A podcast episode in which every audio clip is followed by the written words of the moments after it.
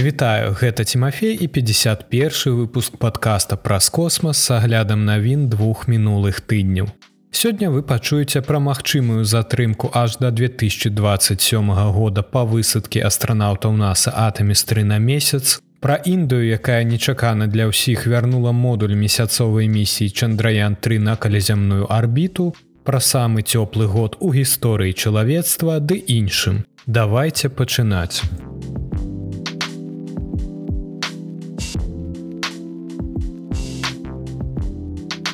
А высадка астранаўтаў наса атамістры на месяц малаверагодная раней за 2027 год.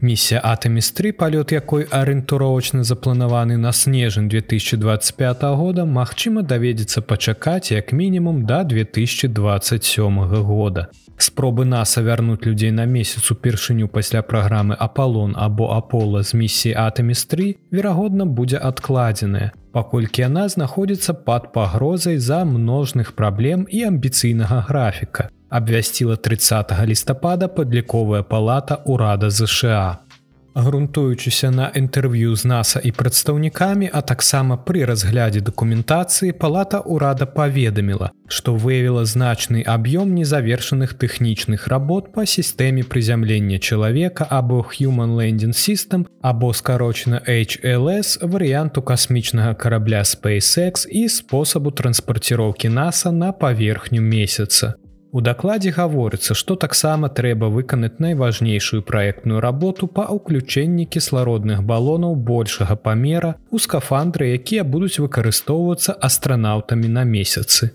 Сістэма прызямлення патраціць свой запас паліва яшчэ на выхадзе на арбіту, таму перад палётам на месяц сістэму неабходна будзе дазаправіць. Згодна з бягучым планам шматэтапная праца прадугледжвае спачатку размяшчэння на арбіце склада паліва старшып, а затым некалькі танкераў для перавозкі метану і вадкага кісларода ў гэты склад. Каб ён быў поўнасцю запраўлены перад адпраўкай на месяц.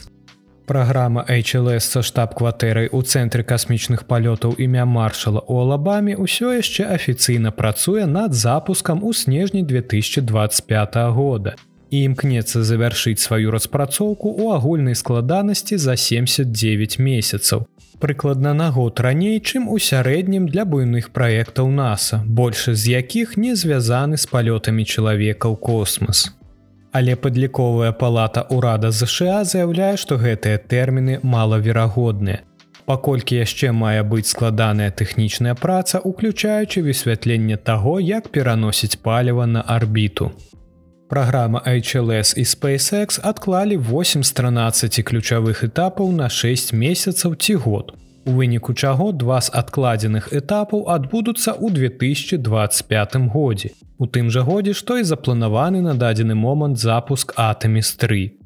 Калі распрацоўка спускаемага модуля HLS зойме ў сярэднім столькі ж часу, колькі іншыя буйныя праекты NASAа, місія Атэміс3 адбудзецца на пачатку 2027 года. Так гаворыцца ў справаздачы. Аднак для таго, каб гэты графік запуску быў выкананы, неабходна вырашыць другую праблему, злучаную са сменай канструкцыі скафандраў, якія распрацоўваюцца Axiom Space. Раней у гэтым годзе кампанія прадставіла прататып скафандра, які будзе арандаваць NASAа для місіі па высадцы на месяц. На дадзены момант Аксіум завяршыла два этапа працы, звязанай з распрацоўкай скафандраў, але яны ўсё яшчэ знаходзяцца на ранніх стадыях распрацоўкі. Большасць маючых адбыцца работ звязана з дызайнам касцюма. NASAа патрабуе ад аксіум распрацаваць гарнітуру здольны забяспечыць 60хвіліннае аварыйнае жыццезабеспячэнне. Таму аксіум плануе пераставіць кампаненты скафандра так, каб у ім можна было размясціць кіслародныя балоны большага памеру. Але калі гэта будзе немагчыма, даведзецца змяніць бягучую канструкцыю, што зойме яшчэ больш часу. Калі NASAа афіцыйна адкладзе дату запуску Атэміс3 да 2027 года, гэта будзе ўсё роўна на год раней, чым першапачатковая мэта 2028 год. Сёлета ў чэрвені кіраўніцтва NASAа адзначыла, што затрымкі з распрацоўкай HLS і старшып робяць мелаверагодным, што Атэміс3 зможа ўкласціся ў гэты тэрмін. На жаль, усё ідзе да таго, што нам давядзецца пачакаць больш, чым хацелася б. Але ўсё ж ёсць надзея, што чалавецтва вернецца на месяц у гэтым дзесяцігоддзі. Каб сачыць за касмічнымі навінамі і не прапусціць нічога цікавага, абавязкова падпісвайцеся на сацыяльныя сеткі падкаста.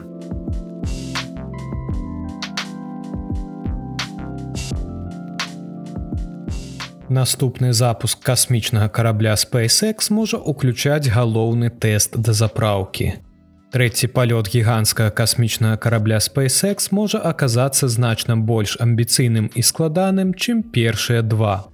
Паводле нядаўняй прэзентацыі лакішы Хонікс намесніцы адміністратара офіса праграмы NASA Луна Марс, маючая адбыцца місія можа ўключаць у сябе выпрабаванне да запраўкі. Хонікс 4 снежня распавядала аб інфраструктурных і тэхналагічных праграмах агенства, На адным з яе слайдаў адзначалася, што SpaceX нядаўна запусціла другую ў гісторыі місіі старship і гаварылася, што кампанія хутка рухаецца да трэцяй, якая будзе ўключаць дэманстрацыю перадачы паліва. Аднак Хонікс не зачытала гэтыя словы ўслых і не абмеркавала запланаваныя выпрабаванні па дазапраўцы падчас сустрэчы. І наса з тых часоў крыху адступіла ад заявы. Прадстаўнік агенства паведаміў, што ніякіх канчатковых рашэнняў па тэрмінах прынята не было. І NASA і SpaceX разглядаюць дастаўку паліва за межы зямлі як ключавы фактар, які паспрыяе адважным даследчым дасягненням, такім як стварэнне пілатуемых аванпастоў на месяцы і марсе. Ракеты і касмічныя караблі спальваюць большую частку свайго паліва толькі для таго, каб выбрацца з глыбокага гравітацыйнага поля зямлі. Таму ім прыйдзецца папаўняць свае бакі, каб адправіцца ў іншыя пункты прызначэння сонечнай сістэмы. І выпрабаванне да запраўкі старship ужо даўно на падыходзе. У кастрычніку 2020 года NASA выдзеліла SpaceX 53 мільёны долараў на правядзенне такога выпрабавання на калязямной арбіце. Кантракт прадугледжвае, што SpaceX перанясе 10 тонн вадкага кіслароду паміж бакамі ўнутры карабля старship, Нагадаю, што рухавікі старшы праптар працуюць на звышхалодным вадкім кіслародзе і вадкім метані. На сённяшні дзень у старшып усяго два запускі. Тэставыя місіі, якія стартавалі ў красавіку і лістападзе гэтага года. Абодва палёты былі накіраваны на тое, каб адправіць верхнюю прыступку карабля на большую частку шляху па ўсім свеце ад базы SpaceX у паўднёвым Тэхасе да участка ціхага акеана недалёка ад гавайскіх востраваў.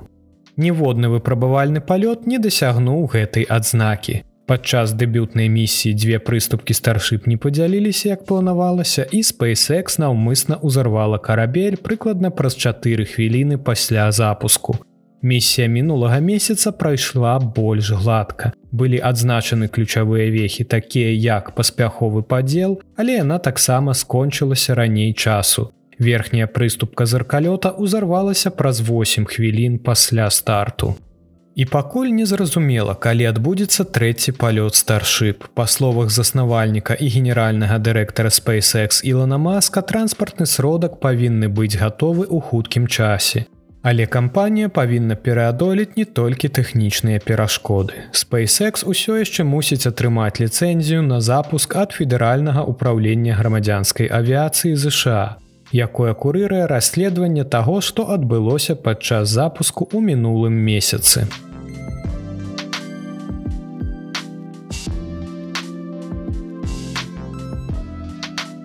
Індыя вярнула рухальны модуль месяцовай місіі Чандраян-3 на калязямную арбіту.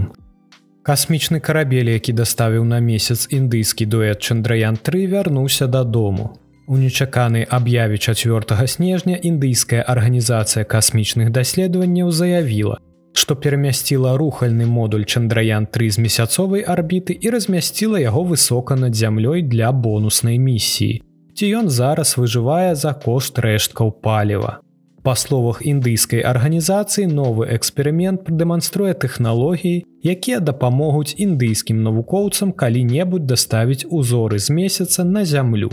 Рухальны модуль кампанент касмічнага карабля Чандраян-3, які працуе ад сонечных батарэй, зараз круціцца вакол зямлі кожныя два тыдні. Індыйская арганізацыя касмічных даследаванняў не раскрыла, што плануе рабіць з касмічным караблём, калі ў яго скончыцца паліва. Па словах прадстаўнікоў арганізацыі 22 лістапада модуль дасягнуў бліжэйшай да зямлі кропкі, прайшоўшы ў 154 тысячах кіламетраў ад паверхні планеты. Аднак гэта ўсё яшчэ было дастаткова высока, каб знаходзіцца ў бяспечным месцы ад іншых спадарожнікаў. Індыйская арганізацыя заявіла, што згодна з бягучым прагнозам арбіты пагрозы збліжэння з любымі дзеячымі спадарожнікамі на калязямной арбіце няма.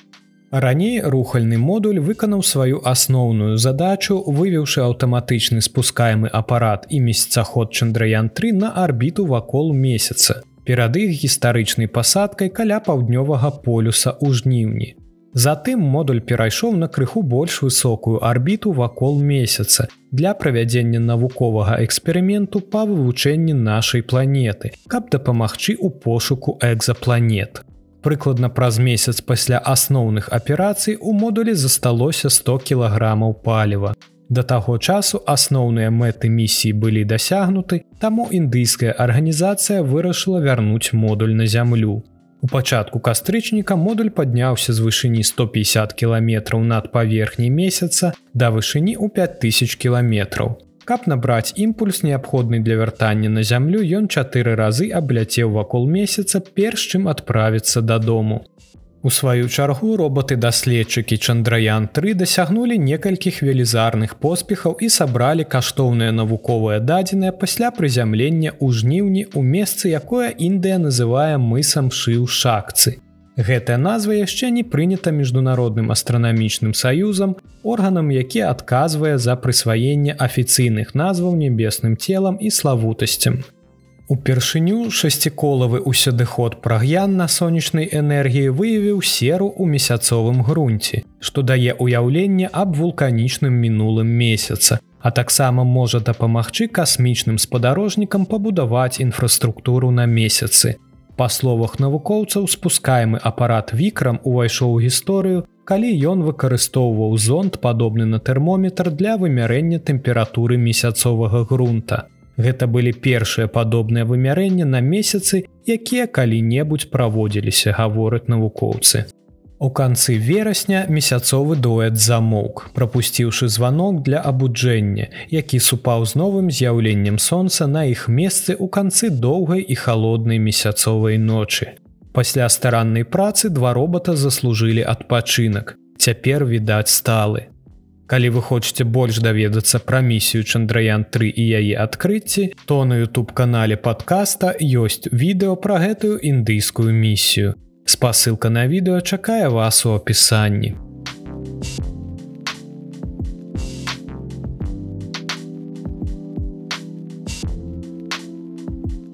Две 2023 год стане самым цёплым годам у гісторыі чалавецтва. Год яшчэ не скончыўся, але эксперты па клімаце упэўнены, што 2023 стане самым гарачым годам у гісторыі чалавецтва. І хоць на рэкордную спякоту сёлета паўплывалі некалькі фактараў, даследчыкі гавораць, што асноўная адказнасць за гэта ляжыць на антрапагенным змяненні клімату. 6 снежня служба па змене клімата капернік частка касмічнай праграмы еўрапейскага саюза паведаміла, што восень гэтага года або верасень лістапад у паўночным паўшар'і былі самыя цёплыя з тых часоў, як пачаліся іх даследаванні ў 1940 годзе. Сярэдняя тэмпература павялічылася на 0,32 градуса па Цельсіі. І гэта вышэй, чым калі-небудзь раней. У гэтым годзе ў нас ужо было самае цёплае лета за ўсю гісторыю назіранняў збольшага за рэкорднай хвалі цяпла, якая ўключала ў сябе серыю з трох самых гарачых дзён у свеце. Па дадзеных службы па змене клімату ў 2023 годзе шэсць асобных месяцаў таксама пабілі глобальныя тэмпературныя рэкорды. А ўзровень марскога лёду ў Антарктыдзе дасягнуў самага нізкага ўзроўню з моманта пачатку рэгістрацыі. Па дадзеных службы па змене клімата сёлета сярэднія глобальныя тэмпературы былі на 1,46 градусаў вышэй, чым у даіндустрыальныя часы і на 0,13 градусаў вышэй, чым са студзеня па лістапад 2016 года, які з'яўляўся самым гарачым годам за ўсю гісторыю назіранняў. Гэтыя незвычайныя тэмпературы азначаюць, што 2023 стане самым цёплым годам у зарэгістраванай гісторыі. Даследчыкі адзначаюць, што невызначаная цёплая восень была часткова выклікана апошняй з'явай эль-нінья.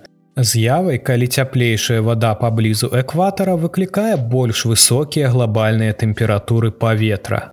Эль-нінья працягнецца ў наступным годзе, а гэта азначае, што 2024 верагодна будзе такім жа цёплым, як і 2023 год.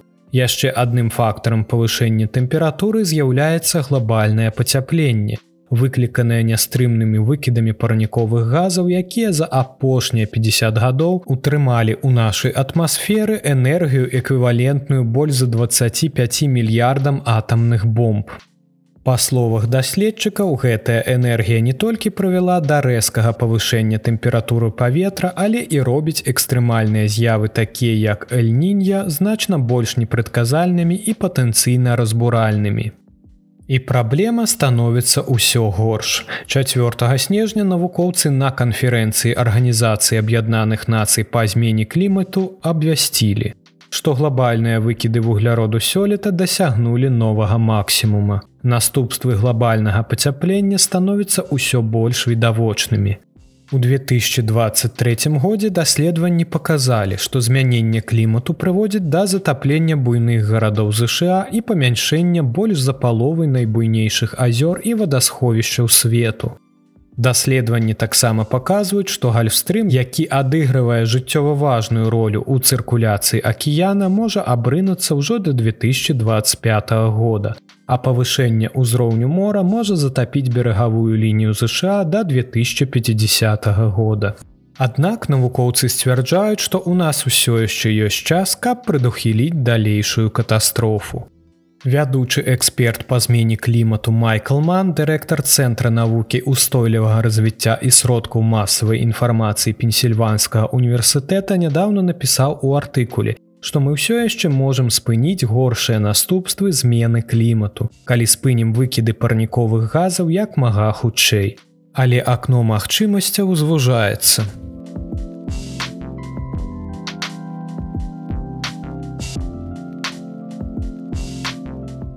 Заканчваем мне на пазітыве, але гэта ўсе навіны, пра якія я хацеў распавесці вам у выпуску. Цяпер пагаворым аб самых цікавых падзеях наступных тыдняў. 18 снежня месяц асветлены на 30соткаў наблізіцца да Сатурна. Яны будуць бачныя на цёмным вячэрнім небе. Абодва нябесныя целы будуць дастаткова яркімі, каб іх можна было назіраць неўзброеным вокам. 22 снежня асветлены на 79соткаў месяц сустрэнецца з юпітером.